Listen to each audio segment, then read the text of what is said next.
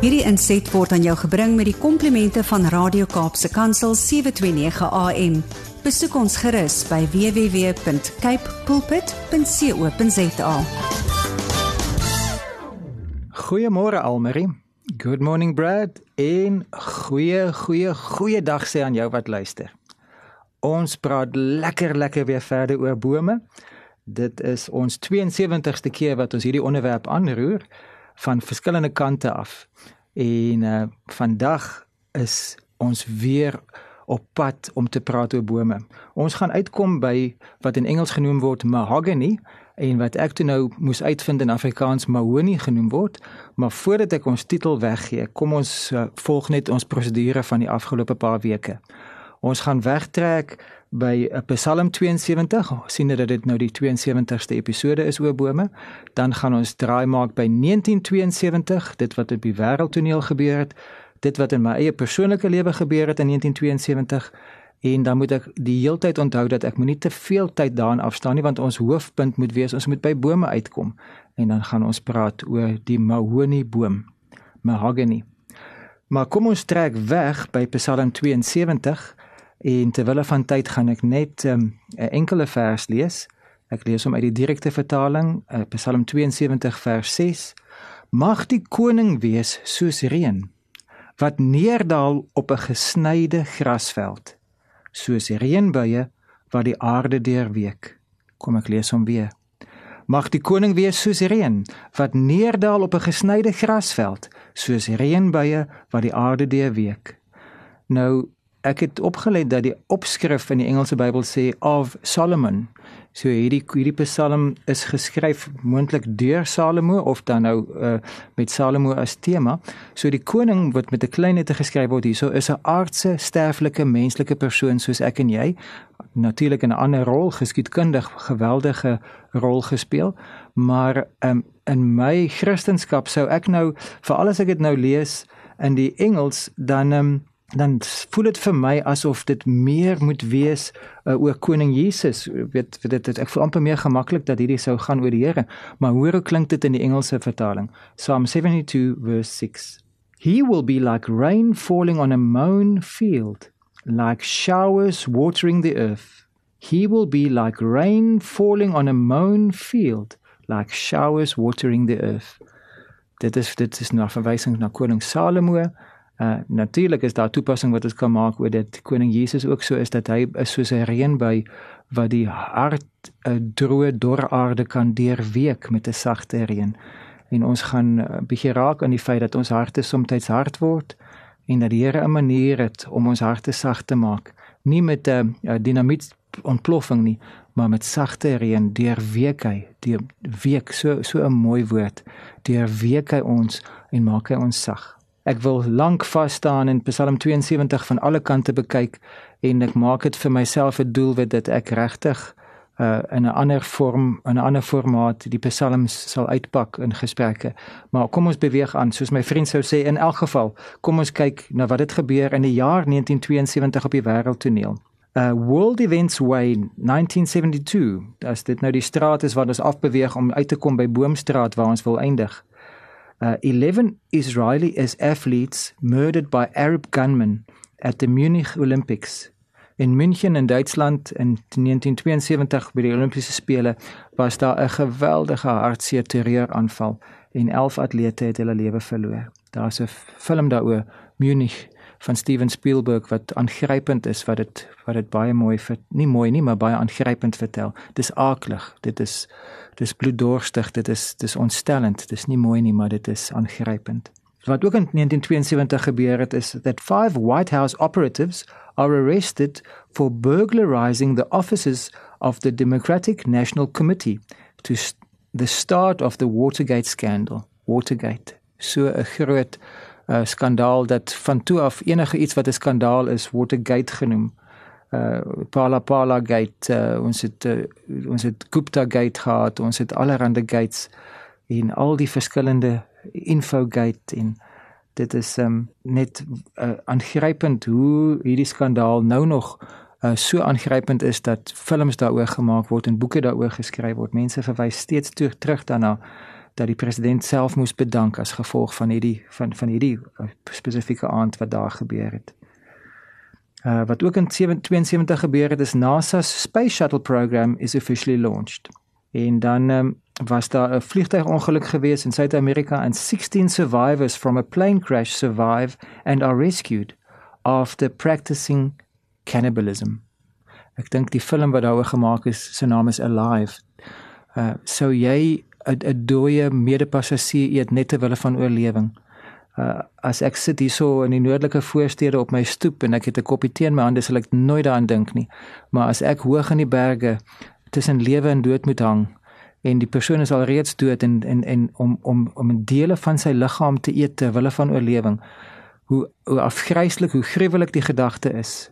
Die, die oorlewingsdrang. Kannibalisme ter wille van oorlewing, maar dit is soos my vriend sou sê in elk geval, ons gaan nie nou verder daaroor dink nie. Ehm um, 1972 wat het ek dan nou um, in September van daai jaar 4 jaar oud geword en die eerste 3 of 4 lewensjaar ah, is um, die eerste 1000 dae van 'n mens se bestaan en in terme van menslike ontwikkeling en terme van early childhood development uh, jou jou brein jou persoonlikheid jou uh, sintuie is die eerste 1000 dae is 'n geweldige mylpaal. Dit is ook in daai eerste 1000 dae wat dit dikwels sigbaar word as daar enige uitvalle is. Uh, uh gewoonlik is mense neurotipies en hulle um verstand werk soos wat dit moet, maar as daar mense is wat dan nou op die autisme spektrum is of wat ander uh gestremdheid het of 'n ander area het waar hulle nie uh binne die normale ontwikkelingskurwe is nie, dan begin dit gewoonlik sigbaar word binne die eerste 1000 jaar en dikwels in uh vaste lande en lande waar daar um moeilike omstandighede is as die kind die eerste 1000 dae geleef het, het hy 'n redelike kans om te oorleef. Maar ongelukkig is daar nog heeltemal te veel kleuters en babas en peuters wat sterf as gevolg van diarree of ontwatering of swak higiëne wat heeltemal voorkombaar is. Daai eerste 1000 dae is so belangrik. My eerste 1000 dae het ek die eerste 6 maande daarvan in uh, Pretoria en Sunnyside in 'n klein woonstel met my ouers deurgebring. Daarna het ons na Duitsland verhuis en ek was in Keulen gewees en dan het my ouers wat in die diplomatieke diens was met die Duitse Suid-Afrikaanse ambassade in Duitsland het een keer 'n jaar op tuisverlof gegaan. So ek het groot geword om met oorseese vlugte was deel van my groot word. Ek onthou nog as jy op die vliegtuig se vloer lê, dan is daai dreuning van die vliegtuig is die lekkerste manier om in die slaap te raak. As jy 'n klein chokkertjie van 3-4 jaar oud is, dan lê jy maklik onder daai sitplek op die vloer en slaap. Nou as 'n volwassene sal ek nie maklik ek sal nog kan inpas en ek sal ek sal my lê kry, maar as ek dan moet opstaan, gaan ek dalk styf styf opstaan. Ehm um, saam met tuisverlof het ek ook gekom vir verskeie oogoperasies, want die mense wat my van aangesig tot aangesig ken weet dat my een oog is lui en hy trek so 'n bietjie skeef. I've got a squint eye, but I can look you straight in the face. Uh nou dit was my eerste 1000 dae gewees en in 1972 was een van ons eerste tuisverlof gewees. En toe het ek vir die eerste keer swartse onkel leer ken. Swart ooms, want in Duitsland op daai stadium was almal wit gewees en dan kom ons op tuisverlof en dit was my eerste blootstelling aan mense wat nie wit is nie. En dit was vir my fascinerend om swart ooms te, te sien. Ongelukkig nog in die apartheidsjare het ons min persoonlike kontak gehad, maar dit was die eerste wat ek begin besef het daar's verskillende kultuurgroepe, verskillende lewenstyle, die lewenstyle in Duitsland, die lewenstyle in Suid-Afrika en in Suid-Afrika dan verskillende kultuurgroepe. Dit het die Here alles gebruik om my later tot bekering te lei en ook later te vorm in die feit dat ek nou wil brûe bou tussen bevolkingsgroepe. Maar in elk geval, kom ons kom uit by vandag se tema. En mahogany in Engels word in Afrikaans mahonie genoem. En as ek nou 'n houtkenner was, as ek nou met houtgereedskap groot geword het, dan sou ek nou vir jou gesê het hoe ryk mahonie en ek sou vir met jou gepraat het oor die grein en ek sou met jou gepraat het oor die mooi rooierige kleur en dat dit 'n harde hout is en dat jy dit gebruik vir duur meubels uh, en hoe meer ek oor bome en hout praat, hoe meer het ek 'n begeerte om al daai kennis eerstehands op te doen dat ek regtig met skrynwerkers en met met houtwerkgereedskap en met houtmeubels meer en meer interaksie sal hê. Maar die reine waarheid is dat vandag praat ek oor mahogany want in Afrikaans die woord mahogany rym met polonie.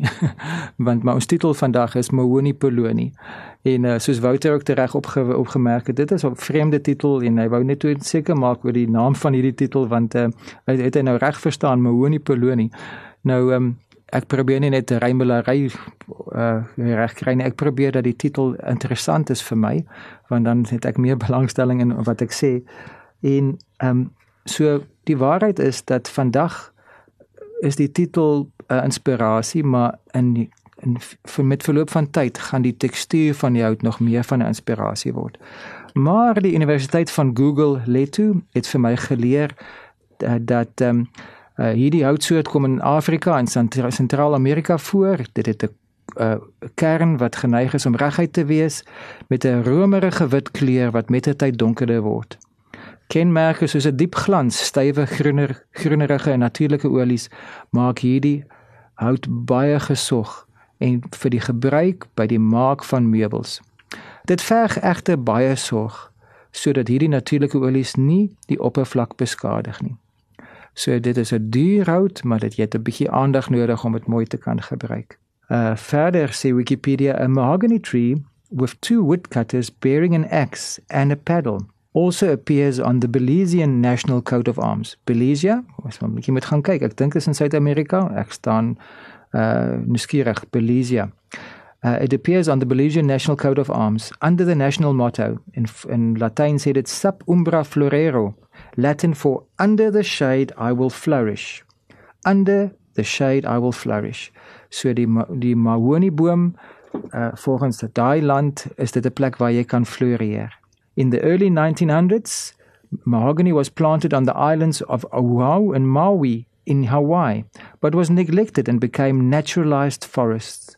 So 120, 130 jaar gelede is die mahogany-bome aangeplant, plantasies en daai woude het toe nou ehm um, aangewas soveel so dat met na, na groot droogte, erg winde en 'n 'n klomp mislukte rampbestuur het daai woude afgebrand en uh, eh, 110 mense het hulle lewe verloor daarso op Hawaii se eiland.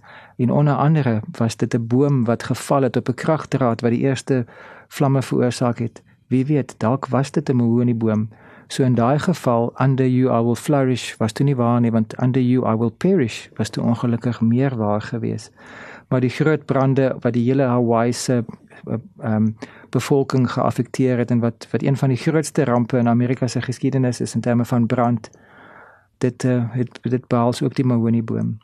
A cross in the cathedral at Santo Domenico bearing the date 1514.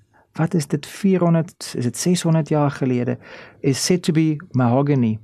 And Philip II of Spain apparently used the wood for the interior joinery of the palace of El Escorial begun in 1584. 4 5 600 jaar gelede is mahogany hout gebruik uh, in die paleis is Mahoni uitgebruik om 'n houtkruis te vorm en daai kruis is nou nog te besigtig en daai paleis kan jy nou nog gaan besoek. Is dit nie merkwaardig dat hierdie hout honderde jare hou en dat dit nog steeds daar kan wees? Uh as dit polistireen was, dan sou dit ook nog bestaan het, maar dit sou nie meer so mooi gewees het nie. As dit vorms van yster was, sou dit was dit nou al geroes. As dit uh, 'n uh, plastiek was, dan het dit vervaal, vervaag en dit sou definitief nie staande gebly staande gebly word nie.